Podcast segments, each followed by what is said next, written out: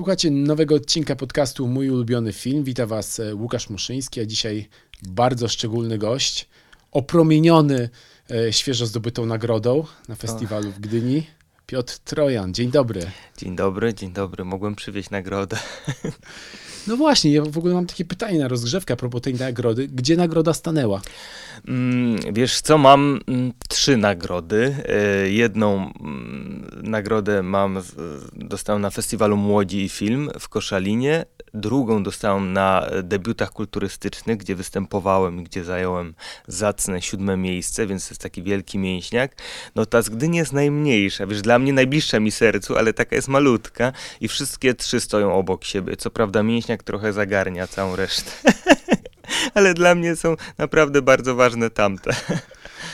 E, jak wiadomo, gala odbyła się troszeczkę inaczej. Była w tym roku wirtualna. Na, mówię tym razem oczywiście o gali festiwalu, na festiwalu filmowym w Gdyni, w związku z pandemią koronawirusa wszystko wydarzyło się e, zupełnie inaczej.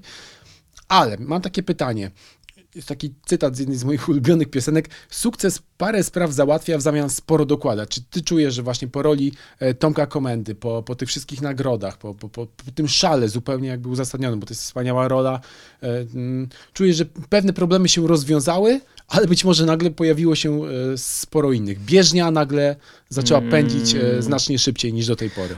Wiesz co, na pewno stało się coś takiego pięknego, że bardzo y, uwierzyłem w siebie, uwierzyłem y, w to, że y, moje zdanie, mój gust jest istotny i to, to ma wartość, że ja mam wartość.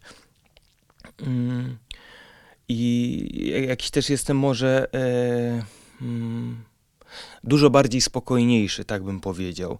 E, nie, nie, nie, nie, ma czegoś takiego, że nagle się stresuję i nagle e, przychodzi mnóstwo bardzo trudnych dla mnie e, decyzji. Ja, ja trochę nie zmieniłem się w, w, i, i dalej biorę tak naprawdę jak ktoś proponuje, uważam, że każda rola uczy. Od serialu, y, w którym gra się 20 scen dziennie i, i, i są to takie tasiemce, uczysz się tego, bo zagraj 20 scen przy stole, pamiętaj ten tekst. Aktor oczywiście zawsze chce zagrać jak najlepiej, nie jak najgorzej, więc robisz wszystko najlepiej, jak potrafisz.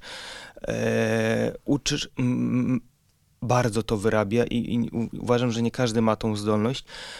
Co, co innego, prawda, duże filmy, co innego role epizodyczne, gdzie mm, tak naprawdę masz, dajmy na to, 6 dni zdjęciowych, a musisz zaistnieć, być na tyle wyraźny, żeby, mm, żeby sprzedać sprawę, ale być też jakąś ważną, wyrazistą postacią, żeby gdzieś nie zaginąć. Więc ja to wszystko nadal biorę. Y, z tym, że już y, stawiam swoje granice. To się na pewno zmieniło. Pewnych rzeczy nie chcę zrobić, nie zgadzam się, y, wyrażam się, a wcześniej uważałem coś takiego bardziej przepraszam w ogóle, dziękuję, że mnie zaprosiliście, zrobię dla was wszystko, mam skoczyć nago do jeziora, pewnie to jest wspaniały pomysł, róbmy to, prawda? Teraz to już się zmieniło.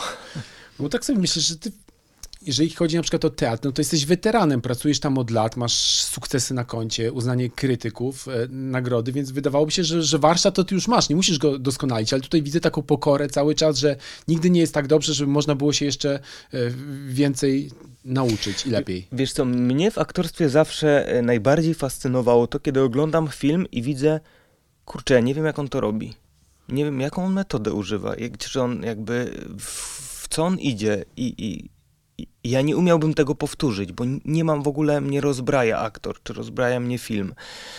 E, ale kiedy widzę jakąś powtarzalność i zdaję sobie sprawę, że wszyscy jesteśmy na to narażeni, bo czasami się czujesz niepewny, a kiedy się czujesz niepewny, wykorzystujesz te środki, które potrafisz najlepiej. I każdy z nas, aktorów, ma te swoje myki, że idziemy na plan, ach, to wyciągnę tą szufladkę, tą i tą i będzie na pewno fajnie, potrafię tu fajnie się zaśmiać, tam zapłakać i jestem fajny, jak się tak spojrzę.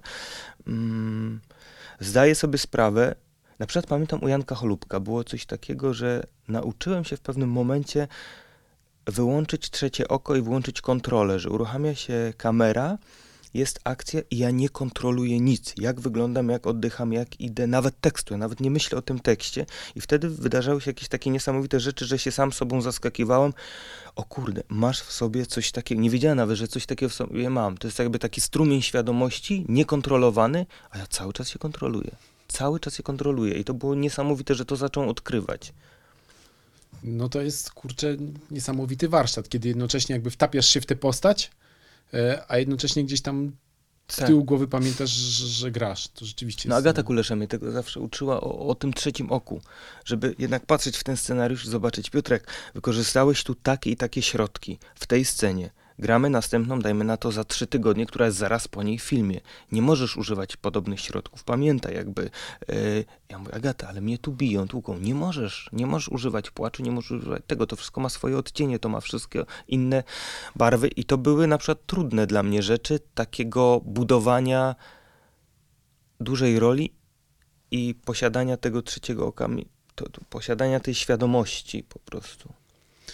O warsztacie aktorskim e, i tworzeniu kreacji jeszcze będziemy rozmawiać, ale spotykamy się przy okazji e, gustu filmowego e, Piotra Trojana, jego ulubionych filmów, a ten gust, muszę przyznać, jest bardzo różnorodny, bo praktycznie każdy z filmów, które teraz wymienię, jest z zupełnie innej parafii, bo tutaj mamy i Petera Greenawaya z ET2.0, mamy i Jorgosa Lantimosa, czyli Alpy, Dziewczyny do wzięcia, kultowa polska Kocham. komedia i Laleczka Czaki do tego.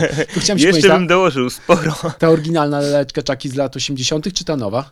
Oj, myślałem o oryginalnej. Dobrze, to była tak, tak, taka, tak. która To- na to- mnie to- to- działała. To też podejrzewam. No ale to, to jest w ogóle jakby zupełnie różne filmowe światy i ty też chyba jesteś taką osobą, która lubi chwytać, próbować różnych rzeczy, bo jesteś i aktorem, i człowiekiem też, który przecież, e, no właśnie, zajmuje się e, kulturystyką. Nakręciłeś o tym film, o którym też zresztą porozmawiamy, ale wiem, że też świetnie grasz. Skończyłeś szkołę muzyczną, Tak, więc, tak, potrafię. różne- Czytam nuty, śpiewam dobrze, mam dobry słuch.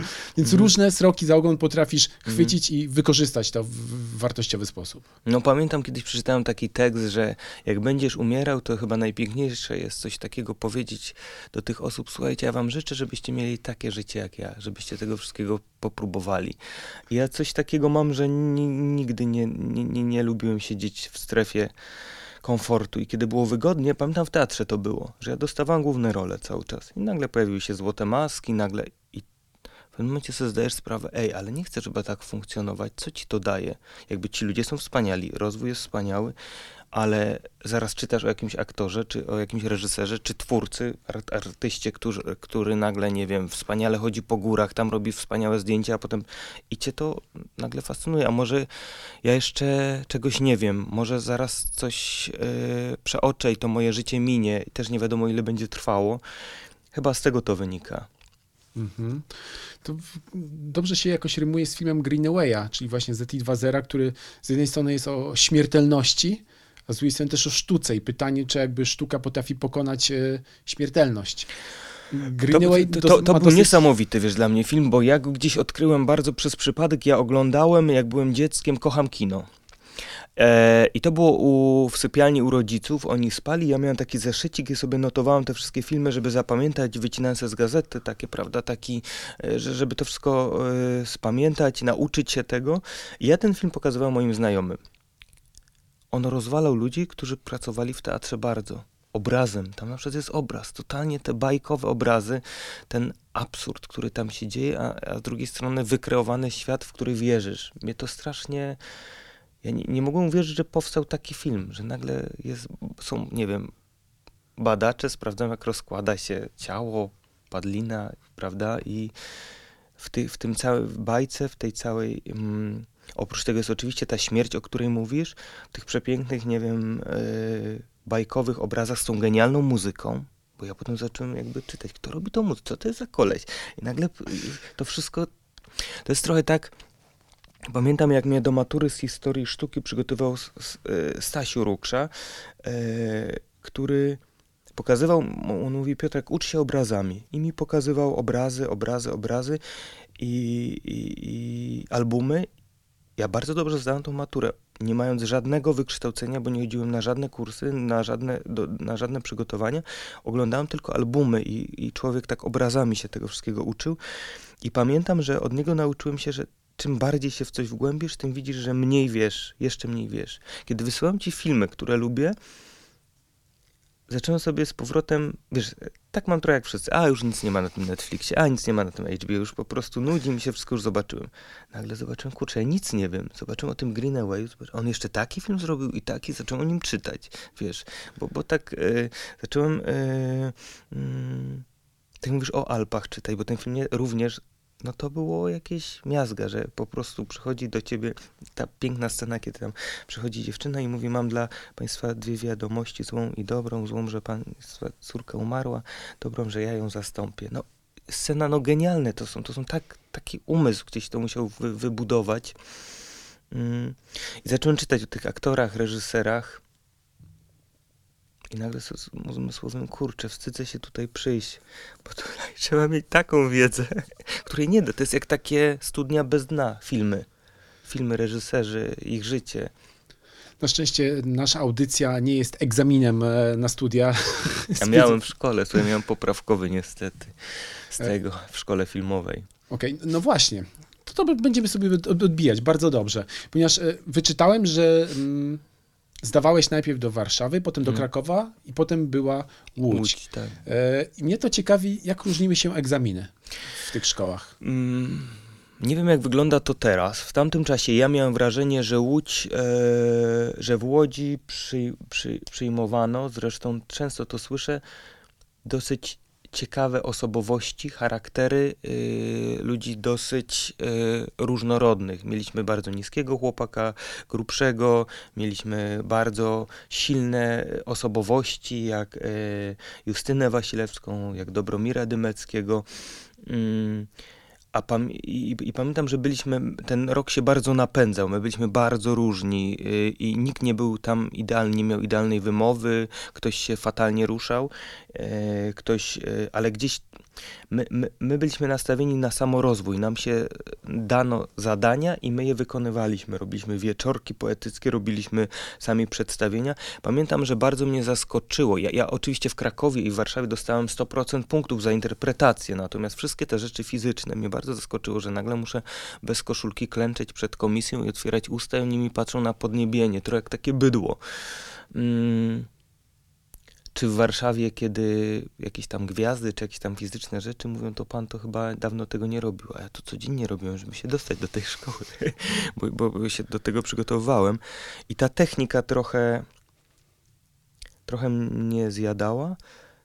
Wymowa, która była fatalna, głos, zresztą mój profesor od głosu, od impostacji głosu, tego osadzenia głosu powiedział, wiesz co Piotrek, ja bym kiedyś nie przyjął takich ludzi jak ty do szkoły, ale teraz wiem, że ty nie masz tak dużej wiedzy i nie wiesz, na kogo jak podziała osadzenie głosu. Na mnie to się, u mnie to się stało w bardzo dziwny sposób. Przyszły święta. Ja olałem tą szkołę, że mnie wyrzucą, że się nie uda, ja sobie kupiłem choinkę, kupiłem prezenty i przychodzę na tą impostację. On mówi, Piotr, jaki ty masz luz. Właśnie taki, taką swobodę, ten głos jest, nie jest taki spięty i się nie, nie stresuje wszystkim, tylko tak, prawda? A to było przez święta. Żadna technika mi nie pomogła, tylko po prostu w głowie jakieś rozluźnienie. E, I wydaje mi się, że byliśmy dosyć takim ciekawym rokiem, a y, pozostałe szkoły obawiam się, że tego wtedy nie miały, że tam dosyć trzeba było być taką. Zresztą no, o tym wszyscy mówią, że ci aktorzy wychodzą bardzo podobni. Że wszyscy są ładni, wszyscy wyglądają podobnie, że nie mamy, nie wiem, kogoś, nie wiem, mm, bardzo niskiego, kogoś bardzo... Nie, nie, jesteśmy różnorodni po prostu. Tego, czego wszyscy mówią w Stanach, jak są wspaniali. Nie się na aktorów charakterystycznych, tak, tylko tak. jakąś Kurczę, jedną sztancę sobie wymyślono. Może to jest dla dobra, żeby potem każdy z nas mógł zagrać jak najwięcej, bo ten zawód, no, kończy tam, dostaje się 25 osób, kończy 19, a gra 5-6, prawda? Mhm. Justyna Wasilewska była gościem podcastu Mój ulubiony tak. film i on, pamiętam z tej rozmowy wspomina z jakąś taką już melancholią te studia i, nostalgią. Imprezy na przykład e, były jakimś takim momentem, kiedy grupa się integrowała mm. i rzeczywiście fajne rzeczy też się działy artystycznie. Jak ty to wspominasz z kolei? Mm, no Justyna na pewno była dużo bardziej imprezowa niż ja. Była taka, ja nie byłem bardziej psuja zabawa. Party crasher. Ale my mieszkaliśmy potem z Justyną razem e, na studiach też i też no, mamy inne trochę charaktery, ale się uwielbiamy i bardzo siebie cenimy. Zresztą pierwszą moją etiudę w szkole teatralnej. Pierwszy pocałunek zagrałem z Justyną Wasilewską, co było oczywiście wtedy wielkim przekroczeniem pocałować kogoś na scenie. E, mm, nie chciałbym nigdy wrócić do czasów szkoły, tak bym pewnie z tego powiedział. To jest o, o, okres, gdzie jesteś cały czas oceniany, cały czas jest coś nie tak, gdzie ja próbowałem być inny, próbowałem stać, krzyczeć te wiersze, mówić tą perlistą dykcją, a w ogóle taki nie byłem. Ani nie miałem takiego głosu, ani nie miałem takiej dykcji, ani tak nie stałem, ani mnie w ogóle ten pan Tadeusz tą średniówką nie interesował i nie było tam nic dla mnie. E, I kiedy sobie zdałem sprawę, że jestem super, jaki jestem i nie jestem taki, jak oni chcą, żebym był, to nagle yy, zaczęły przychodzić nagrody, ludzie zaczęli to dostrzegać. Pamiętam, kiedy jest taki konkurs na trzecim roku yy, wiersza, że wszystkie szkoły teatralne wysyłają po dwóch, trzech reprezentantów z wiersza. Ja tak nienawidziłem wiersza, że powiedziałem go najgorzej jak mogłem. Ludzie się w tym zakochali i szkoła wysłała mnie i Justynę Wasilewską między innymi. Justyna wygrała ten konkurs, a ja zdezerterowałem, nie pojechałem, dostałem naganę od rektora. Ja spanikowałem, bo, bo, bo a im się tak spodobało jakby to ten sposób mówienia wiersza zupełnie na kontrze. Zresztą mój dziekan zawsze mówił opiekun roku, jak ja mówiłem jakieś teksty, mówił, a w sumie można i tak. E, Jan Komasa, który gościł tutaj kiedyś, e, też kończył szkołę muzyczną. I zadałem mu kiedyś takie pytanie, bo, bo mnie to bardzo ciekawi, bo kończyli właśnie szkołę muzyczną. Mhm. Obaj kończyliście szkołę muzyczną i ja słyszałem coś takiego, że szkoła muzyczna wykuwa charakter w człowieku. E, pokazuje, że, że no po prostu trzeba dużo ćwiczyć, pewnych rzeczy nie można odpuszczać i to potem mhm. procentuje w przyszłości, ponieważ masz wtedy wykuty właśnie taki mm, etos pracy, że jak chcesz coś, żeby było dobrze zrobione, to musisz ślęczeć, ślęczeć, mm, ślęczeć, mm. odpuszczać pewne rzeczy, nie wiem, towarzyskie i tak dalej, i tak dalej. Czy ty też masz takie poczucie, że ta szkoła e, muzyczna coś ci dała? Mm, jako mnie, artyście? Mnie, jak, jako artyście na pewno, bo ja mam bardzo dobry słuch, a jednak e, aktorstwo bardzo się opiera na, e, na, na, na, na, na, słuchaniu. E, mówienie na pewnego rodzaju melodii, bardzo dobrze słyszę fałsz. E, rytmy, to wszystko też pomaga w trakcie grania, e, graniu, opanowanie jakby wszystkiego. E, ale ja, ja, ja nie byłem najlepszy w tej szkole muzycznej i, i, każdy z nas inaczej do tego podchodził, bo ja mam dwójkę braci, jeden grał na klarnecie, potem grał w orkiestrze, drugi na skrzypcach, ten na skrzypcach rozwalał te skrzypce w toalecie, czaskał strunami, no to było totalnie rozwalone, to było tak, że na całe osiedle ja słyszałem, jak on się kłóci z ojcem. E, Karol, ten starszy brat, co grał na klarnecie, był bardziej pokorny, a ja, od mnie oczywiście było mało pianina, więc przerzuciłem się jeszcze na gitarę, a potem jeszcze na chór, żeby wszystkiego pokosztować. E, a później jeździłem jeszcze na takie warsztaty gospel, e, mm, bo gdzieś mnie to też jakoś bardzo kręciło. Mm, na pewno to uczy tego, że wstajesz codziennie i grasz, półtorej godziny grasz, grasz, grasz, grasz, bo inaczej palce odmawiają ci posłuszeństwa. To, to po prostu jest trening trudny trening. Ty jesteś ambitną osobą po prostu. Boję się, że mnie coś ominie, albo coś stracę, albo czegoś nie wykorzystam w sobie. Coś takiego mam. A ta zajawa na gospel jak się pojawiła?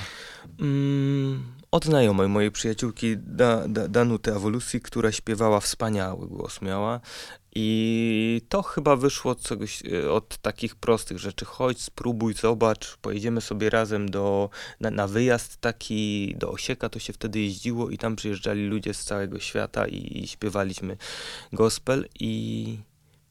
Hmm, i no, no, ja, ja, ja tam nie uważam, że byłem w tym dobry. Ja uważam, naprawdę mogę powiedzieć, że dobry mam słuch, że słyszę od razu fałsz.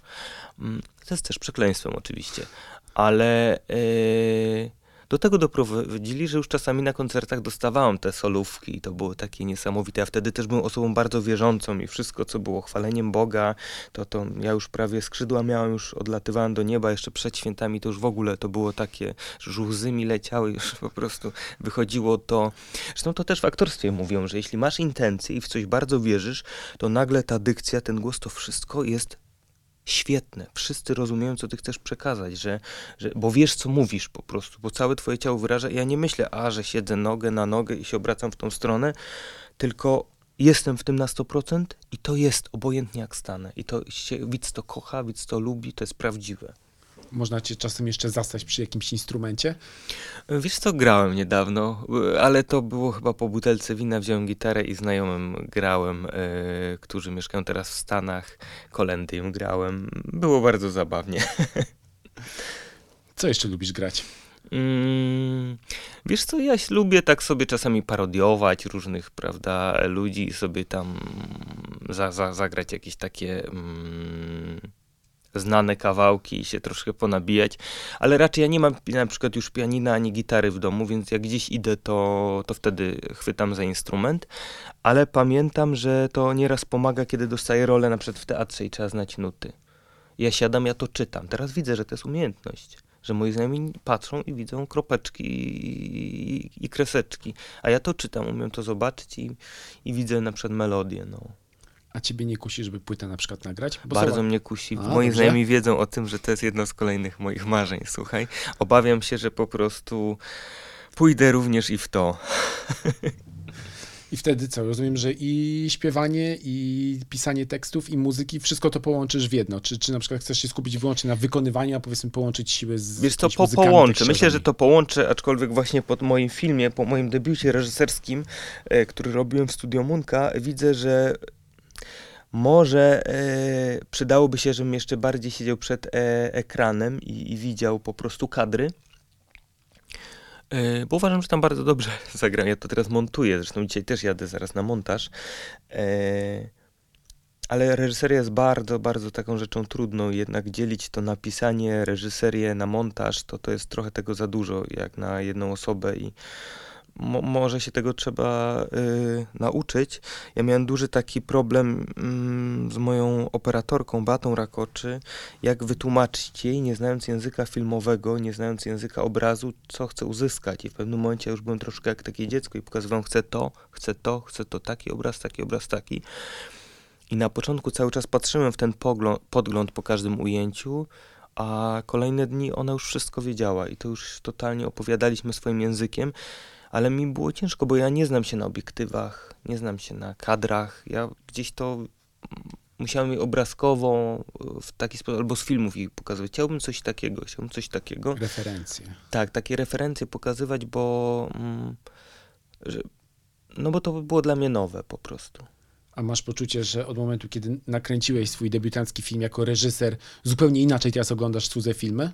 Tak, mam dużo większą pokorę. Zdaję sobie sprawę z tego, że mm, myślenie życzeniowe to jest jedna sprawa, y, real planu jest drugą sprawą i warunki, w których się jesteś, pogoda, którą sobie wymarzyłeś, czy y, scenografia, którą sobie wyśniłeś i napisałeś w scenariuszu lub y, no to trzeba być bardzo flexible, wydaje mi się, na, na, na, na planie i być bardzo, bardzo zmieniać, szybko, trzeźwo myśleć i podejmować szybkie, dobre bardzo decyzje, bo to jest, moja babcia zawsze mówiła, człowiek myśli, Pan Bóg kreśli. To jest zupełnie inaczej niż sobie wyobrazisz i trzeba umieć w tym mm, dać sobie radę. Ale wydaje mi się, też dużo też słucham ludzi i pamiętam, że się Janka Holubka dużo pytałam o to, Bartka Kaczmarka, jak robić, jakby oni robili, yy, yy, Agnieszki Smoczyńskiej, rozmawiam z nimi wszystkimi i, dużo takich rad brałem, a poza tym dużo się też na planach nauczyłem. Wydaje mi się, że czegoś takiego, nawet jak czas rozdysponować na planie, bo czas na planie to jest jak y, Kevin sam w domu, czy witaj święty Mikołaju, kiedy włączy, prawda, te światełka i idzie tam prąd cały, bo cały dom oświetlony, to każda minuta po prostu jest na wagę złota, każda decyzja jest na wagę złota i, i, i, i to jest pieniądz, no nie, nie, nie cofniesz tego. Reżyseria to jest w ogóle też chyba ciężka fizyczna praca. Ja słyszałem, że są tacy reżyserzy, którzy przed wejściem na plan w ogóle przygotowują się, ćwiczą, żeby mieć lepszą kondycję. Ty akurat byłeś w tej dobrej sytuacji, że grałeś kulturystę, więc już byłeś gotowy jednocześnie jako aktor, e, jako reżyser do, do, tego zadania. No jest to wykańczające. Powiem ci, że to są takie stany, że usiądziesz do domu i w sekundę odpadasz. Że nie wiesz w ogóle, co się dzieje, że padasz ze zmęczenia i budzisz się o tej czwartej rano piszesz ujęcia, które chcesz danego dnia jedziesz na plan, i, i, a poza tym też jest coś takiego, że jakby jesteś tym pionem, tą głową i, i nieraz jakby oczywiście produkcja, ta Małgosia Wala, e, wszyscy dbają, żeby nie docierały do ciebie wszystkie rzeczy, które mają cię rozpraszać, ale twoja energia, ludzie patrzą, kiedy ty się denerwujesz, to się udziela. Kiedy ty wiesz, czego chcesz, to się udziela. Ja staram się być jak najlepiej przygotowany, ale powiedziałem uczciwie gośćce Wali czy, czy Beacie, ja robię pierwszy raz film. Ja tego nie potrafię, musicie mi pomóc w tym. E, I to wydaje mi się było fair. To było bardzo uczciwe, e, bo ten sztab ludzi pomagał, nie dominował mnie, e, bo, bo mogło być też tak zresztą... Mm, mówili mi, możesz wziąć każdego operatora, jakiego chcesz. To jest dobry scenariusz, każdy będzie chciał z tobą pracować. Mm, I tam pojawiały się bardzo mocne nazwiska i nie zdecydowałem się, bo nie chciałem, żeby to był film operatora, który by zrobił go pewnie wybitnie. Ale ja bym czuł się, czułbym się bardzo ze sobą źle, że ten film za mnie zrobił ktoś inny. A teraz mogę powiedzieć stuprocentowo, że ja decyduję, a pomagali mi wspaniali ludzie. A trudno w ogóle było przekonać decydentów, na przykład ze studia Munka, do tego, żeby no, pozwolić ten debiut reżyserski zrealizować. Mm. Jako osoby, która na przykład nie kończy, chociaż nie, studia reżyserskie też jakby... To... Tak, w szkole Wajdy tak, byłem na tak, tak kursie. Tak, tak, to, to, widzisz, to jest też taka rzecz, że ja po prostu zapragnąłem, ja, ja, ja zauważyłem, że nie, nie rozwijam się i przeczytałem o szkole Wajdy, co było najlepszą decyzją po prostu, żeby pojechać e, i uczestniczyć w tym kursie, który, który jest tak naprawdę spotkaniem bardzo wielkich umysłów, świetnych ludzi w zamkniętym gronie, w którym możesz popełniać błędy, pracujesz nad swoim jednym filmem, nad twoim, swoim marzeniem. Yy, nic nie wychodzi na zewnątrz. Yy, studio daje ci yy, pieniądze na nagrywanie twoich scen, spotykasz się pierwszy raz z kamerą, wybierasz sobie przestrzeń, masz taką mikroprodukcję jednego dnia zdjęciowego. Wcześniej to robisz w studiu, pracujesz z aktorami. Dla wielu moich kolegów było to szokiem. Oni nie potrafili pracować z aktorami. Przyjeżdżała, nie wiem, pani Foremniak i ktoś był nagle kłodą przy niej, bo nie umiał na cię odezwać, bo to była tak jakby, prawda, czy, czy widziałem, że nie potrafią takich prostych rzeczy. Pytali się mnie też o dużo rzeczy. Ja natomiast nie umiałem, tak jak wcześniej wspomniałem, operować obrazem, mówić o obrazie, a mieliśmy ludzi, którzy są operatorami, mieliśmy ludzi, którzy są reżyserami, którzy piszą scenariusze, którzy są producentami na kursie i przechodziliśmy przez wszystko wszystkiego dostajesz tak po trosze i czerpiesz z tego, co chcesz, bo, bo, bo, bo, bo masz y, pana Marczewskiego, masz panią Krause, masz pana Sobieszczańskiego, Paweł Pawlikowski przyjeżdżał, masz y, Agnieszkę Smoczyńską czy Anię Jadowską, każdy ci udziela jakiś rad, a ty sobie musisz wybrać z tego, co ty chcesz dla filmu, bo oni sami między sobą różnią się również. Mm, I to mi dało bardzo, wydaje mi się, chyba mądrze z tego skorzystałem, bo napisałem scenariusz i kiedy dzwonili do mnie ze studia Munka, e, a ja wtedy byłem na próbach Świętej Kluski z Agnieszką Smoczyńską i, i z Robertem Bolesto i tam z Andrzejem Konopką. I zadzwonili do mnie w przerwie e, i powiedzieli, że mamy dwie wiadomości że jedna jest taka, że nie został pan zaproszony na pitching, co było załamaniem, bo kto kogo wybiera idzie na pitching, a druga jest taka, że dostaje się pan bez tego pitchingu, bo scenariusz się tak wszystkim spodobał. Tak, budowanie no, napięcia iście filmowe. Ale nie wiem, czemu mi tak dzwoniła się cały trzęsłem, próba była w teatrze, nie mogłem się już skupić, zresztą wszyscy się bardzo, bardzo wtedy cieszyli. E, no i Wiesz co, powiem ci, że na tamten okres to było moje marzenie. Dostajesz tam ten budżet studia Munka e, i spełniasz swoje marzenie. No, jedziesz po prostu. Nie, nie, nie, nie siedzisz, chciałbym robić filmy. Nie krytykujesz innych. Ja zauważyłem też, że bardzo często jak ktoś cały czas krytykuje, potem patrzy, że jakie masz dokonania i nie ma dokonania, że ktoś nie próbuje, bo się tego boi. Lecimy, wracamy dalej do twoich filmów. Dziewczyny do wzięcia. Krem po sułtańsku. Próbowałeś kiedyś? Mm, nie, nie próbowałem swoje. Ale to jest ja zresztą z... Yy, Mm, z Ewą Szykulską e, grałem w teatrze i Ewa mi opowiada, że one się spotykają do teraz. E, to, to jest dla mnie wiesz fenomen ten film. Ja kocham takie filmy, kocham też takich ludzi, którzy są ludźmi, którym ja się utożsamiam, prostymi, zwykłymi ludźmi, e, którzy spełniają marzenie. No przyjeżdżają dziewczyny, prawda, i teraz chcą kogoś tutaj poderwać w tej Warszawie. Można pójść tam, tam jest wiele możliwości, prawda, i a poza tym, jak one grają. Dla mnie to jest niesamowite, że ja nie widzę. I gdybym ja nie wiedział, że to jest Ewa Szykulska, to dla mnie to są jakieś fenomenalni amatorzy wzięci, którzy grają wspaniale. Bardzo lubię to poczucie humoru, bardzo inteligentne, bardzo nienachalne. Gdybyś zadał mi pytanie o komedię współczesną, jeszcze polską, to bym nie wiedział, co powiedzieć. Nie wiem co. Nie wiem, po prostu nie umiem, czuję się nieraz obrażany przez to. A... Yy, a tam to jest tak inteligentne, tak zgrabne. No i ci ludzie, zresztą mój bohater Syntolu też jest zwykłym, prostym chłopakiem, który przyjeżdża, bo chce zrobić coś wielkiego i gdzieś te dziewczyny też mnie rozczulają i, i nowy film, o którym teraz myślę i o fabule gdzieś jest, y, balansuje pomiędzy współczesnymi dziewczynami do wzięcia taką małą mis. O, o, o czymś takim chcę napisać i poza tym poczucie humoru jest niesamowite bo tego niestety nam brakuje. Zresztą ja bardzo dużo oglądałem teraz trzydziestek e, filmów krótkometrażowych, żeby się tego nauczyć. I widziałem, że tak kurczę, czemu ludzie tak nie mają tego poczucia humoru? Czemu one są takie smutne wszystkie? E, I tego mi brakuje, a dziewczyny do wzięcia mają to no, idealnie zrobione. Zresztą filmy 30 i krótkie metraże to jest też pewnie zupełnie osobny temat, jak to robić, jak to wygląda w Polsce, jak to wygląda za granicą. Zresztą bardzo mnie zszokowały filmy, które oglądałem, które wygrały Cannes, gdzie gdzieś w Polsce zawsze miałem takie wrażenie, że one są streszczeniem pełnej fa fabuły, całej fabuły, że poznajemy bohatera, jest punkt zwrotny, coś się dzieje, a gdzieś jak patrzyłem na te trzydziestki, pamiętam takie jakieś wspaniałe, która się odbywa w jednym pokoju między dwiema kobietami, które jednym telefonem, że dzwoni dziecko, jest nad, nad morzem i mówi, mamo, tata gdzieś zniknął, nie wiem co się dzieje. I tylko matka z córką wyrywałem sobie telefon, dziecko, coś widzisz, telefon traci zasięg, my nie wiemy, nagle to dziecko, ktoś go nie widzimy, tego tylko sobie wyobrażamy i widzimy rozpad dwóch kobiet w trakcie 30 minut.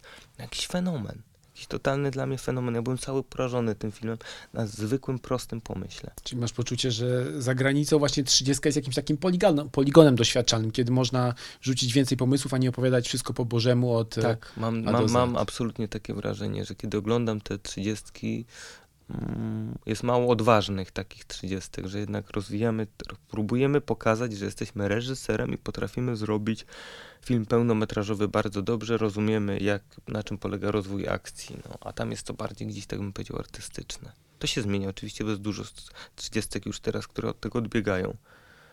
Hmm. Ale mam takie wrażenie. A ty lubisz grać role komediowe? Uwielbiam. Powiem ci, że to jest mi dużo, dużo bliższe. Nikt mnie yy, nie chce obsadzić, a ja tworzyłem w szkole y, kabaret. My jeździliśmy po festiwalach, zresztą wygrywaliśmy dużo z tym kabaretem. Pisałem teksty i mam bardzo duże poczucie humoru. Y, i bardzo wydaje mi się, że potrafiłbym to zrobić dużo, dużo lepiej niż, te, niż role dramatyczne, wiesz? E, dostałem propozycję w filmie, e, nakręciliśmy już ten film, pewnie jak to wszystko nie można mówić o wszystkim, co jest w postprodukcji, czego nie rozumiem oczywiście, bo uważam, że to jest dobra reklama i potem każdy walczy o to, żeby ludzie poszli do kin, kina, a przez rok nie możesz zdradzić, gdzie grałeś i z kim grałeś i co to jest za film. I to jest taki film, taka czarna komedia, e, no wiem, że miałem dużo fanów na planie swojej postaci. No to może sam powinieneś tę komedię napisać i sobie tak stworzyć tę komedię. Ale słuchaj, tak też planuję właśnie. Tam, naprawdę, y, zaraz po, jak uda się zmontować Syntol, to się biorę za, za, za, za, za swój film. W takim razie trzymam kciuki, a wracamy do filmów. Laleczka Czaki, to od razu odesłanie do złotej ery VHS-ów. Jak tam było? Byłeś regularnym gościem e, osiedlowej wypożyczalni wideo? Tak, słuchaj, pamiętam wszystkie te, on miał kolory, prawda, że tam żółty był czerwony w zależności od ceny. Pamiętam filmy, na które polowałem, tam Syrenka Ariel była, bardzo tego chciałem, bardzo chciałem, marzyłem, żeby ją dostać. E, mieliśmy też VHS-a, wujek nam dał, bo kiedyś pożyczyliśmy mu malucha, jak jechał do Niemiec i kupił nam VHS-a i z jedną bajką przygody Bolka i Lolka dookoła świata. My to na pamięć znamy z moimi braćmi, po prostu. No i się wypożyczały wszystkie te kasety, to, tak, to potem już wciągało te kasety, przewijało się długopisem, żeby to wszystko jakby tam... Mm, mm, i tam była laleczka czaki. O, jak to, to zryło banie mojemu bratu. Zresztą byłem z nim w górach dwa dni temu. To powiedział, że on nie może w ogóle o tej laleczce, on nie może do dzisiaj, to na niego działa. Eee, I wiesz, co mnie jeszcze fascynowało, jak to się zmieniało. Ta laleczka, takie, że ona była coraz bardziej komediowa, jak to się rozwijało po prostu niesamowicie. Później kolejne części laleczki czaki. To jest być może też problem taki, że jak mamy y, przerażającą postać, to jak powraca w kolejnych filmach, i lepiej ją znamy, no to też e, właśnie więcej pojawia się tego humoru, ale to jest problem chyba w większości serii horrorowych. Na przykład nie było tak z Freddym Krugerem, no czy w kolejnych też. częściach też się nie robi mm -hmm. coraz bardziej bekowy, albo nie wiem, Hannibal Lecter, który w Milczeniu Owiec, a na przykład jak potem pamiętacie go w Hannibalu, na przykład Ridleya Scotta, to to jest jakaś znacznie więcej humoru, no lubimy go wręcz. Mm. Ale mo może to jest jedyna droga, co, żeby pójść. Nie, nie, nie, nie wiem, czy ten humor właśnie, czy to nie jest właśnie dobry, do, do, do, do, do, do, dobra sprawa, żeby w kolejnych częściach takich horrorów dokładać. Tak, a tak w ogóle nie masz takiego wrażenia, że w ogóle laleczki mają w sobie coś przerażającego i bardzo często są one negatywnymi bohaterami horrorów. Ja się zastanawiam, dlaczego, co jest, co jest takiego demonicznego w lalkach, że to, tak, tak się ich boimy. Hmm. Mama zawsze nam opowiadała, że jak my zasypiamy, to one o, to będą żyły i będą widziały, jak któraś jest źle odłożona albo jak się coś wy, wydarzy. A ja wiesz, w swoim dzieciństwie miałem przeróżne, dziwne te lalki i, i były też takie creepy yy, z, z, z paczki z Niemiec, yy, które były wręcz plastikowe. Ja im wyrywałem głowę i bawiłem się w taki popularny tele, teleturniej, że to jest głowa rodziny, te misie i miałem też smutnego misia, którego ktoś mi zakosił w przedszkolu. E, i one, pamiętam, że one jak patrzę na zdjęcia teraz po latach, to one wyglądały bardzo creepy bardzo przerażająco, że to... Zresztą jak tak patrzę na te zdjęcia, bo ostatnio były jakieś takie wspominki rodziny, uważam, że byliśmy świetnie ubrani, totalnie hipstersko z tych paczek z Niemiec, że po prostu na Zbawiksie to byśmy teraz królowali rodziną. mm, a te lalki to były potwory, to, to, to były takie, te twarze, to wszystko, no. Teraz to bym oczywiście kupił, gdzieś miał jako taki gadżet, taki swój, no. A jeszcze mi się przypomniało swoje z tym humorem, to jest, mhm. y, pamiętam jak w szkole e, filmowej w Łodzi pracowaliśmy z różnymi reżyserami, na trzecim roku pracujesz z reżyserami. Łączy, łączy się tak, jest takie bardzo ciekawe zajęcia. Operator, reżyser i aktorzy. E, I to było bardzo ciekawe, bo to jest szkoła bardzo międzynarodowa i byli reżyserzy ze Stanów, z Japonii, z Norwegii. I ja patrzyłem, Pracowałem z taką Darą ze Stanów, pracowałem z Magnusem von Hornem, bo byliśmy na jednym roku i to były tak skrajne sposoby na przykład reagowania na stres, myślenia. Dara się śmiała, miała mnóstwo tego humoru. Magnus miał coś takiego, że my w pewnym momencie graliśmy tylko siedząc i na siebie patrząc i mówiąc jakieś dwa, trzy zdania. To było mega mocne wszystko, ale ci ludzie też mieli gdzieś ze swoich, jakby, wydaje mi się, ze swojej kultury jakiś taki humor czy sposób reagowania na pewne sytuacje. nie wiedziałem, że można reagować na Japończycy wspaniali, ich myślenie po prostu, no niesamowite, jak oni, prawda, oczy smutne, twarz wesoła i, i, i, i coś w tym było, po prostu robiłeś te oczy smutne, twarz wesołą, oni dali tą dziwną muzykę, te dziwne ruchy, jakieś takie te teksty i czy u Magnusa, kiedy to były Fosy, to był taki dramaturg i ja pamiętam, to albo takie sceny graliśmy w samochodzie, po prostu siedzisz w tym samochodzie i tak mówisz ze swoją żoną takie podstawy jakiej rzeczy, cześć, co u ciebie, a wszystko się działo wtedy wewnętrznie, ale oni też tak pracowali, prawda? Hiszpanii zupełnie inaczej. To aktorstwo, prawda, takie na serce, prawda, wyciągasz, krzyczysz, wywalasz z siebie. Ja uwielbiam to. Ja nie jestem takim aktorem, ja raczej jestem taki do środka, ale kocham jakby takie aktorstwo. Zresztą tacy są Hiszpanie, Włosi. Pojedziesz na plażę e, w Sardynii, po prostu dziewczyny, biusty na zewnątrz, chłopcy, sam seks idzie, krzyczą, bawią się, no, my inni jesteśmy. Skoro jesteśmy przy uczelni, to wspominałeś o tym, że na pewno nie chciałbyś e, wrócić do tego, że musisz znów uczyć się, ale byłeś wykładowcą. Mhm. I e, o to chciałem zapytać, o to doświadczenie wykładowcy i o to, jakim jesteś dalej? Czy... Mm, już nie, już nie. Już to nie. Jaki, jakim e, byłeś wykładowcą? Wydaje mi się, że byłem świetnym, dlatego, że ich doskonale rozumiałem i każ, prosiłem każ, każdego, żeby wyciągać z nich to, co jest najlepsze. Trochę pracowaliśmy na takich e, metodach verbatim, że oni sami szukali sobie tekstów, yy, yy, czy to rozmawiali z bezdomnymi, czy to rozmawiali tam z lekarzami i stwarzali sobie takich bohaterów i tak kreowali sobie yy, po swojemu. Nikomu nie narzucałem, jak stać, jak mówić, jak się ubierać. Te egzaminy wszystkie były zawsze Yy, jedne z najlepszych w szkole, nawet zrobiliśmy dyplom, oni się podostawali do szkół teatralnych, piszą do mnie cały czas wiadomości, cały czas jesteśmy w kontakcie, pytają mnie o różne rady w szkole teatralnej, bardzo ich zmiotły szkoły teatralne, to każdy z nich jakby podpadł, jakby upadł troszeczkę na i zdał sobie sprawę, jak, jak, jak to jest ciężki zawód, jak jesteś oceniany, czegoś, czego ja nigdy nie robiłem i i raczej traktowałem ich na zasadzie partnerów. Słuchajcie, ja wkładam w to, y, myślę, nie śpię po nocach, wymyślam, jak to ubrać w całość, dajcie mi coś od siebie, próbujcie. I oni się nieraz przekraczali tam. Ja, ja nie, nie, jestem za czymś takim typu, masz problem z matką i tu musisz tego przerobić. Ale wiele z nich chciało i, i pomagałem. Chociaż teraz, jak widzę, to zresztą miałem ostatnio spotkanie z moimi profesorami z filmówki że trochę jesteś terapeutą, że przychodzą do ciebie nadwrażliwcy, przychodzą takie motylki, prawda? Każdy po jakichś przejściach, a ty im teraz dajesz teksty, nie wiem, o, o rodzinie, o matce, o, o coś, co otwiera im takie szufladki bardzo bolesne i co zostawisz i ich z tym samym. Nie, nie, nie, nie możesz tak, z tego co wiem, to teraz filmówce już jest terapeuta zatrudniony, myśmy tego nie mieli. A ja trochę się czułem, wiesz, w pewnym momencie jak taka Magda Gesser, co robi rewolucję, bo po prostu niby, niby robię te potrawy, niby robię te spektakle, a tak naprawdę wszyscy płaczą, mówią o wszystkich swoich traumach i, i trochę masz dużą odpowiedzialność na sobie, bo możesz coś kogoś, komuś bardzo zepsuć, komuś bardzo zaszkodzić, yy, a nie masz trochę tej wiedzy, bo, bo to są delikatne sprawy. No widzisz, mówisz o tym, że y, szkoła i wykładowca może być terapeutą, ale z drugiej strony sztuka też dostarcza traum, bo wspominałeś w wywiadach o tym, że w związku z obciążeniem, jakie role mm, teatralne czy też filmowe dawały ci, sam chodziłeś do terapeuty, żeby sobie z tym poradzić, więc to mm. w obie strony działa wahadełko, raz może odbić w tę, mm. Otwiera bardzo dużo rzeczy. To, to sztuka, sztuka ma taką moc i ja, ja wiesz, wtedy, jeśli chodzi o film 25 lat niewinności i terapeutę, to, to chyba naj, naj, najbardziej chodziło o coś takiego, że ja y, poznając Tomka Komendę, miałem olbrzymią ochotę pomóc mu i uratować po prostu Tomka, ukarać wszystkich ludzi, którzy są współwinni. Ja sobie z tym nie umiałem poradzić, że muszę go odciąć, wyzerować się i zagrać rolę, po prostu zagrać najlepiej jak potrafię rolę i ściągnąć sobie z barków to wszystko, tą całą traumę, która tam jest. Przestać y, stresować się spojrzeniem Tomka na planie. Y, te rzeczy mnie paraliżowały, spotkania.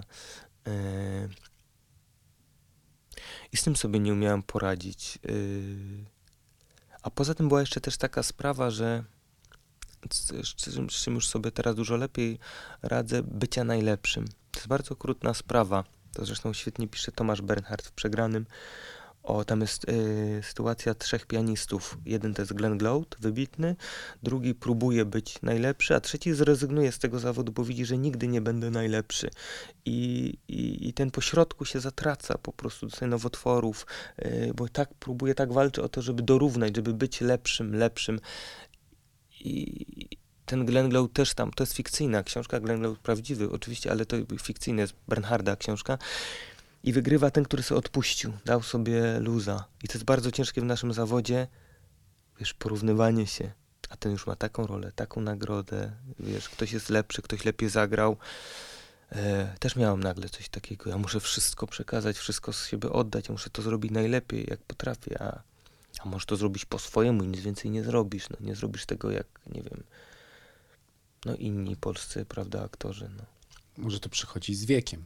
Jak się na przykład obserwuje wielu mistrzów aktorskich i z Polski, i z zagranicy, to oni sami wspominają, że gdy byli młodsi, no mieli sobie tę ambicję, która mm. ich zżerała, spalała, tak. a potem jakieś takie pogodzenie przychodziło ze sobą. No wiadomo, też pewnie z, z nagrodami, peanami.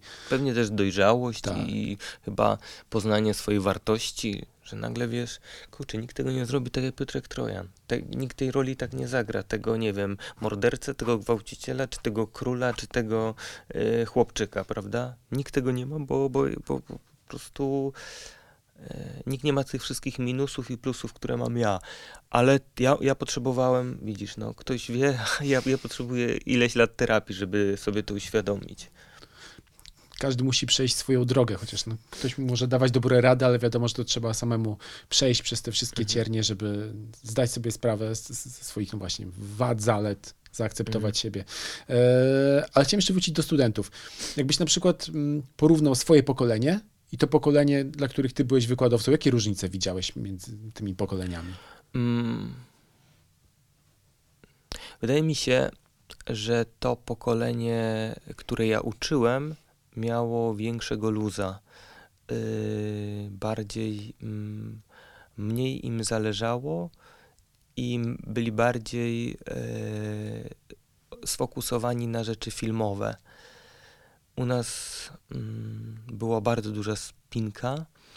Mm, wszyscy się myśmy się zatracali w Bernhardzie, w spektaklach Krystiana Lupy, Warlikowskiego, e, Klaty, jeździliśmy na to, oglądaliśmy, nakręcaliśmy się filmami, ktoś coś widział, już chciałeś to zobaczyć.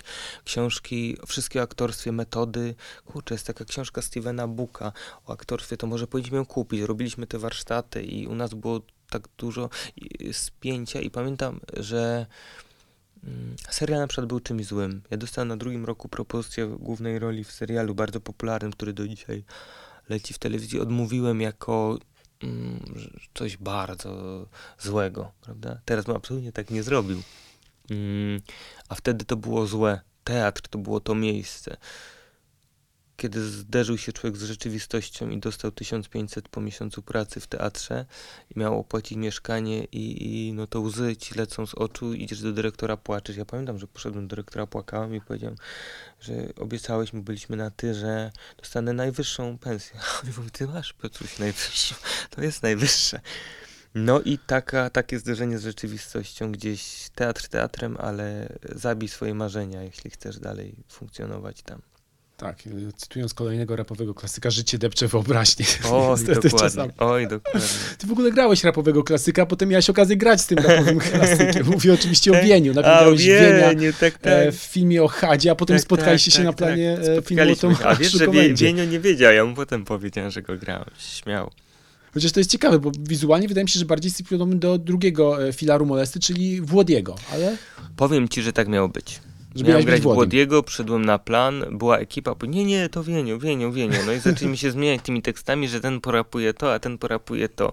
Ja wiesz, wtedy tak wizualnie tego nie widziałem, ale wiesz, zresztą ja nigdy nie wiedziałem, że nie uważałem, że jestem podobny wizualnie do Tomka Komendy, a ludzie tak uważają, więc no, no nie widzę tego. E, wspominałem już o tym, że oczywiście nagrody, uznanie krytyków było w etapie e, twojej kariery teatralnej. Oczywiście jakby teatr, jak rozumiem, też jest pewnie gdzieś tam ważną częścią twojego e, życia.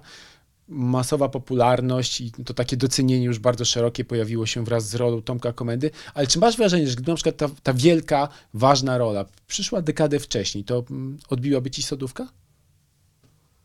Czy w związku z tym, że, że być może po 30 właśnie to, to, to takie docenienie mm -hmm. i ta rozpoznawalność pojawiła się, to już mhm. miałeś szansę jakieś -hmm. sobie rzeczy w mhm. głowie ułożyć i przyjąć to z większym dystansem? Wiesz co, wydaje nie, nie, nie wiem tego, wiesz, jakby to się wydarzyło, gdyby to się wydarzyło wcześniej. Wydaje mi się, że ja po prostu nie mam w sobie takiej mm, sodówki, jak to nazwałeś. Nie ma we mnie czegoś takiego. Nie, nie interesują mnie tak bardzo wszystkie te... Mm, rzeczy w, dookoła, wiesz, jak Instagramy, Facebooki, yy, pewnego rodzaju wymyślane życie, yy, to nie jest moje. Ja wtedy się czuję, był, się czuję jakiś taki udawany, zakłamany i bym chyba, chyba by to się nie wydarzyło. I, ale mnie to też nie kręci, wiesz, bo ja spotykam znajomych, którzy żyją w pewny sposób, ja uważam, wymyślony i czasami do tego stopnia wymyślony, że oni już tego nie widzą, że już nie widzą, że rozmawiają ze mną, ja widzę, że oni grają, oni nie rozmawiają ze mną, oni już po prostu w ten sposób mówią. E, no ale ja, ja, ja bym się chyba źle czuł, nie, nie byłoby mnie wtedy. No ale z drugiej strony, no kurczę, aktor musi mieć trochę miłości w sobie własnej jego, bo inaczej nie byłby aktorem, tak mi się wydaje. Ale ja mam dużo tej miłości. Ja powiem ci na przykład, jestem wspaniały w celebrowaniu swoich sukcesów. To, jak ja sobie celebruję, jak ja świętuję, trwa po tygodnie, po dwa tygodnie, słuchaj. O, to ciekawy Nagroda w Gdyni, świętowana w dresie, w łóżku, słuchaj. Po prostu tam się wszystko działo. Wszyscy dzwonili i po prostu świętowałem i... i, i, i mm, potrafię się dobrze bawić i, i, i lubię, powiedzieć tak, czasami ludzie się zadają mi to pytanie, czy się lubię. Ja siebie lubię bardzo. Ja lubię swoje ciało, ja lubię swój głos, ja lubię swoje mm, wszystkie te minusy, które mam. Ja to lubię, to jest takie... Mm, e, ludzkie. Ludzkie i takie moje i wiesz, wiem, że... A poza tym jeździłem na spotkania z publicznością w trakcie premiery filmu 25 lat niewinności to jest niesamowite, że wiesz, że ludzie się też z tobą utożsamiają, bo też to mają. Wszyscy mają jakieś to. Yy, wszystkie te nasze niedociągłości są tak piękne i każdy te, też te, te swoje słabości ma. Ja mógł książkę napisać o swoich lękach, o swoich słabościach, o rzeczach, których się boję, to po prostu uff. Chciałem cię jeszcze podpytać e, a propos twojego debiutu reżyserskiego o trening kulturystyczny, bo na przykład mm, czytałem swego czasu, jak wygląda klasyczny dzień The Rocka, Dwayna Johnsona, to on wstaje podobno przed wszystkimi jeszcze o drugiej w nocy, najpierw trochę pakuje, potem kładzie się spać, potem wstaje wcześniej rano, wypija pewnie jakiś koktajl z 20 białek i znowu idzie pakować. A jak to wyglądało w twoim przypadku? Bo wiem, że jakby ta- twój, jeden z twoich braci zaraził cię miłością Tak, tak trenuje Andrzej, mój pakowania. brat, tak, tak. To on tak ma, że wstaje czwarta rano i jak teraz go odwiedziłem, to tam jest cały dom rozpisany. Bicepsik, tricepsik, klata, rozpiętki. Podarował, bo to było dwa dni temu, mi prezent na święta. Wyobraź sobie, podarował mi fałdomierz. I Wow. pisze do mnie, ile mam w fałdzie, ile tłuszczu, żebym mu napisał. Więc ja tam sprawdzam. A w tabelce to dobrze? Ja mówię, Andrzej, norma. No dobra, dobra, okej. Więc, więc sprawdzałem z siebie po prostu wczoraj fałdomierzem. E, ja miałem taką zajawkę. Jakiś czas temu dostałem poważnej kontuzji barku i od tego czasu już nie umiem wrócić do swojej wagi 80 kg i swojego ciała, jakie wtedy miałem, ale mi się to też zmieniło, wiesz? Ja oczywiście podziwiam to jako kulturę ciała i coś, co jest piękne. Te ciała są piękne, tak jak ktoś ma piękny umysł, ktoś ma piękny, zrobił piękny obraz, robi wspaniałe jedzenie, tak to uważam za kulturę. Oczywiście do pewnego stopnia, bo kiedy spotykałem się z kulturystami i z nimi rozmawiałem i widziałem chłopaka, który jest wyżyłowany i waży 70 kg, a spotykał się ze mną 110-kilowy chłopczyk, ja go nie rozpoznawałem, a mi powiedział, że on chudnie do tamtego. Ja głupi pytając się, a sterydy bierzesz? Prawda?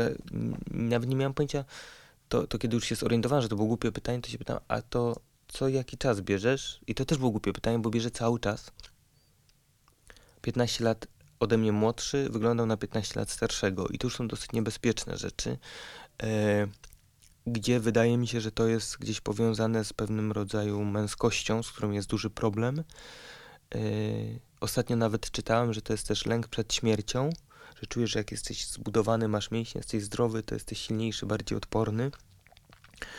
E, ci chłopcy, z którymi się spotykałem, byli bardzo nieśmiali, byli bardzo samotni. Mm, opowiadali mi, jak ściągają, jak gdzieś się najlepiej czują, powiedzieli, że latem jak ściągną koszulkę i się przejdą po plaży. To jest, to jest ten moment, prawda? Mm, myślałem też, że to jest seksualne. To nie jest seksualne. Na tych wszystkich y, backstage'ach to jest... mm, to, to, to wiesz, to, to, to ja w tym uczestniczyłem, teraz to montuję, więc to pa- pamiętam, to po prostu jest jedzenie, to jest malowanie się farbą, to są sweet focie, to jest pompowanie i tak naprawdę stres i olbrzymi wysiłek, bo chłopaki się głodzą do tego wyjścia e, do, i odwadniają się.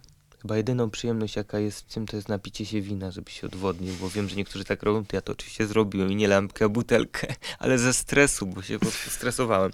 No mój trening nie był takim treningiem, ponieważ mój bohater te zawody, no mój bohater jakby żyje w myślonym świecie, nierealnym, z swoją matką, gdzie matka goli mu tyłek, gdzie matka e, prawie się w nim kocha, gdzie po prostu są ze sobą jak para małżeńska zamknięta w jakimś odrealnionym domku, całym w lalkach i nagrywa wideobloga i wszystkim udziela rad i, i nie ma pojęcia jak wygląda i co się dzieje i etapem filmu jest wyjście na zawody kulturystyczne, które kręciliśmy dokumentalnie w Siedlcach i na tym trochę to polegało, na tym hardkorowym zderzeniu się. E, więc no, ja nie miałem jakiejś szczególnej formy. Iwona Bielska dostała takiej głupawki, że musieliśmy wszystkie, cały dźwięk jest do wycięcia, bo Iwona się tak śmiała, że na całą salę widowni jest tylko śmiech Iwony Bielskiej. Cały czas, wszystko jest do wycięcia. E, I powiedział, ty mnie oszukałeś, jak ty wyglądasz. Ja się czułam, jakby to była wystawa e, samochodów, a nagle rower wjechał. Jak ty... A trochę o tym filmie chodziło, że tam jak ja się rozbierałem w domu i przy meblościance pozowałem przed Iwoną, to mówi Piotrek, ty to wygrasz, ty za dobrze wyglądasz. Jak mnie zobaczyła z tymi chłopakami, to... E, zgubiłem wątek, a nie, już mam. e, właśnie, chciałem zapytać o to, że w sumie temat kulturystów przez polskie kino, pamiętam, był taki dokument na przykład e, na Dogs Against Gravity, ale generalnie to nie jest coś, o czym się opowiada w kinie. Czy na przykład pojawił się producent, który obejrzał twój krótki metraż i powiedział, super, rozwijmy to w pełną fabułę, to poszedłbyś to? Chciałbyś ten film Tak, przerobić? bardzo. Wiesz, co bardzo zresztą osoby, bo ja teraz w takim moim małym, zamkniętym y, gronie filmowców pokazuję y, wersje montażowe. I oni powiedzą, i oni mówią, że to jest na fabułę, na pełen metraż, że to jest bardzo dobry materiał. Zresztą to nie jest film stricte o kulturyście, prawda? To jest gdzieś tam film o marzeniu, o spełnieniu marzenia, to jest film o męskości. Pamiętam kiedyś, jak jeszcze pisałem sztuki teatralne, to się bardzo wkręciłem w temat męskości. Spotykałem się y, z Toxic Quackerem, to jest... Mm, Zmarł niedawno. Zmarł niedawno, tak, tak, tak. Yy, Michał chyba był. Michał Kasprzyk chyba. I, I z Michałem się spotykałem i ja się y, ro- rozmawialiśmy przy piwie i, i ja jakby wchodziłem, pisałem do teatru taką sztukę. Ym, I rzecz się właśnie działa yy, w trakcie kręcenia filmu porno. Mm, I była o męskości. Zacząłem czytać dużo o kompleksach, o wszystkich takich sprawach. I zobaczyłem, że, yy, że to jest bardzo duży temat, który jest też mało poruszany yy, w kinie. Cała ta męskość, te kompleksy i, i, i, i gdzieś może bym o tym robił. O tym ten film wtedy. Mhm. Dużo masz sztuk teatralnych, y, które zostały zekranizowane i takie, które być może Które czekają w w- szufladzie. wystawiłem w teatrze, to są raz, dwa, pięć sztuk wystawiłem. Później przystałem z racji na to, że poszedłem do szkoły Wajdy e, i nie ukrywam, że wiesz, bardziej teraz mnie kręci film e, i napisanie do filmu. Mm, jest to też inny sposób pisania, prawda? Te didaskalie, sposób mówienia, gdzieś te tniesz, te dialogi, te monologi. e, nauczyłem się na przykład pewnej rzeczy, której nie umiałem czytać scenariusze, że to nie jest takie łatwe że widzisz, że scenariusz dobry czy zły yy, po didaskaliach, po dialogach, co jest pokazane, co widzisz yy, i kiedyś w ogóle tego nie umiałem. Tam scenariusz i czy chcę. Tam przeczytałem, a dużo mam, dobra, to biorę. A teraz umiem sobie już to obrazować przez czytanie. To jest trochę może tak jak te nuty, prawda, że producenci dobrze czytają. Yy, jak kiedyś pamiętam z Martą Habiur rozmawiałem, to ona bierze scenariusz i widzi, czy jest dobry, czy jest zły. A ja się tego uczyłem, też zacząłem czytać książki o pisaniu scenariuszy, czy tam czytać książki o ludziach, którzy piszą, jak tam Stephena Kinga, który mówi, pisz codziennie. Usiądź, jak chcesz pisać, to siadaj i pisz codziennie. Obojętnie o czym siadaj i pisz. Yy, I to działa. To jest trochę tak jak ta gra na pianinie. Mhm. William Goldman też na przykład bardzo dobrą książkę mm, napisał. Legendarny e, amerykański Mhm. scenarzysta. Też trochę o Mhm. warsztacie, trochę gdzieś tam Mhm. o swojej historii. Powoli dobijamy do końca bardzo dziwnego 2020 roku. On dla ciebie oczywiście okazał się bardzo łaskawy za sprawą Tomka Komendy. E, No właśnie, jak, jak, jak ten rok podsumowujesz, jakby też poza tym sukcesem filmowym? Co, co się jeszcze działo? Mm, wiesz co, byłem przekonany, że cała ta pandemia i to zamknięcie w domu e, mnie bardzo zdołuje. A to był naprawdę dla mnie dobry czas. Ja wyciszyłem się, przestałem mm, pędzić za. E, jest, moja znajoma aktorka tak powiedziała, wiesz co, ja w końcu jestem spokojna, bo ja nie gram i tak mało gram, ale teraz wiem, że wszyscy nie grają i jestem spokojna, wiesz. E, mm, więcej zacząłem czytać. Mm.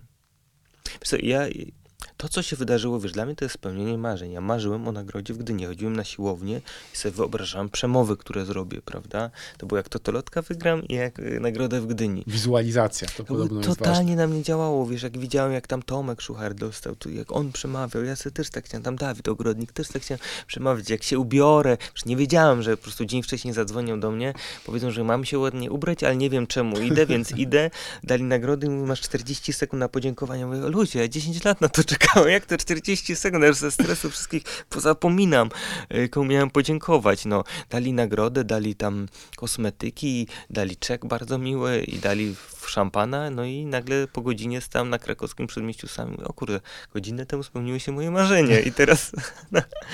Y, Wiesz co, dla mnie to był dobry rok i ja, ja kocham podróżować, to mi zostało odcięte, ale wiem, że ludzie bają bardzo, y, nikt też z moich bliskich nie zachorował, z czego się bardzo cieszę. Y, wciąż pracuję, wiem, że teatry mają bardzo ciężko, ale plany filmowe funkcjonują, my jesteśmy badani prawie przed każdym dniem zdjęciowym. Mm, Dostaję nowe, ciekawe propozycje. Rodzinnie też bardzo mi się poukładało, co, co zawsze było gdzieś jakimś takim fuck-upem w mojej rodzinie. się w końcu wszystko ułożyło, nie wiem czemu. Może gdzieś tam każdy w rodzinie też przez ten czas zaczął się bardziej zastanawiać, co jest dla niego najważniejsze. Mm, I mogę powiedzieć, wiesz, że jestem szczęśliwy, że, że jestem szczęśliwy. Mam oczywiście nowe marzenia. No to jest najważniejsze. To jest właśnie ciekawe a Tak. propos tego, co powiedziałeś, że spełniło się twoje największe marzenie, czyli ten odbiór nagrody w Gdyni i nagle jesteś na krakowskim przedmieściu. I co dalej? I co dalej? co, z teraz robisz ze swoim życiem? Jakieś to marzenie się spełniło. prawda? Tak, no. No dobrze, to w takim razie ostatnie pytanie, które oczywiście samo ciśnie się na usta. Skoro mamy zaraz 2021 rok, no to jakie plany? I jakie kolejne sroczki do schwytania za ogon? Mm, Powiem ci, bardzo chcę wyjechać, bo już tak chcę wyjechać, z nią, że, po prostu już sobie marzę, co to będzie za, za miejsce wyjazdowe, jak już tylko będzie to możliwe. E, Marzy mi się jakiś kryminał, jakaś duża rola w kryminale. Chciałbym skończyć swój film i chciałbym, żeby on mi otworzył e, drogę do pełnego metrażu, bo bardzo lubię pisać. W pisaniu jest coś dla mnie pięknego, że mogę siedzieć, wyglądać jak mi się podoba, mówić jak mi się podoba, a poza tym p- pisanie to też jest jakiś taki jakaś taka niesamowita wena, że nagle się budzisz o drugiej w nocy i zaczynasz pisać i ci się nagle otwieram takie dialogi i takie teksty, których byś wcześniej nie wymyślił. Jest to dla mnie jeszcze takie nie do złapania. Bardzo to lubię i chciałbym strasznie pisać. Mm. Zobaczyć dużo filmów, przeczytać wszystkie te książki, które dostałem, bo dostałem mnóstwo książek, one wszystkie tam leżą. Tak zwana kubka wstydu. Kubka wstydu, oje, tak, tak, tak, tak.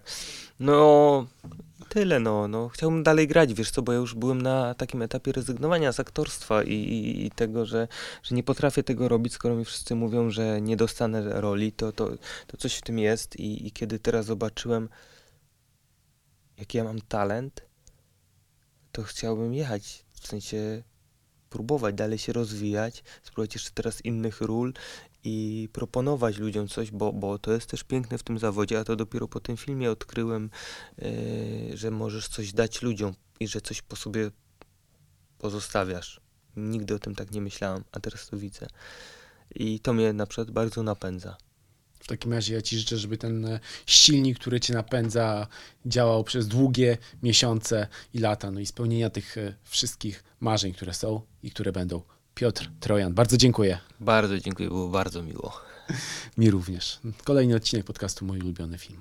Dzięki i wszystkiego dobrego w nowym roku.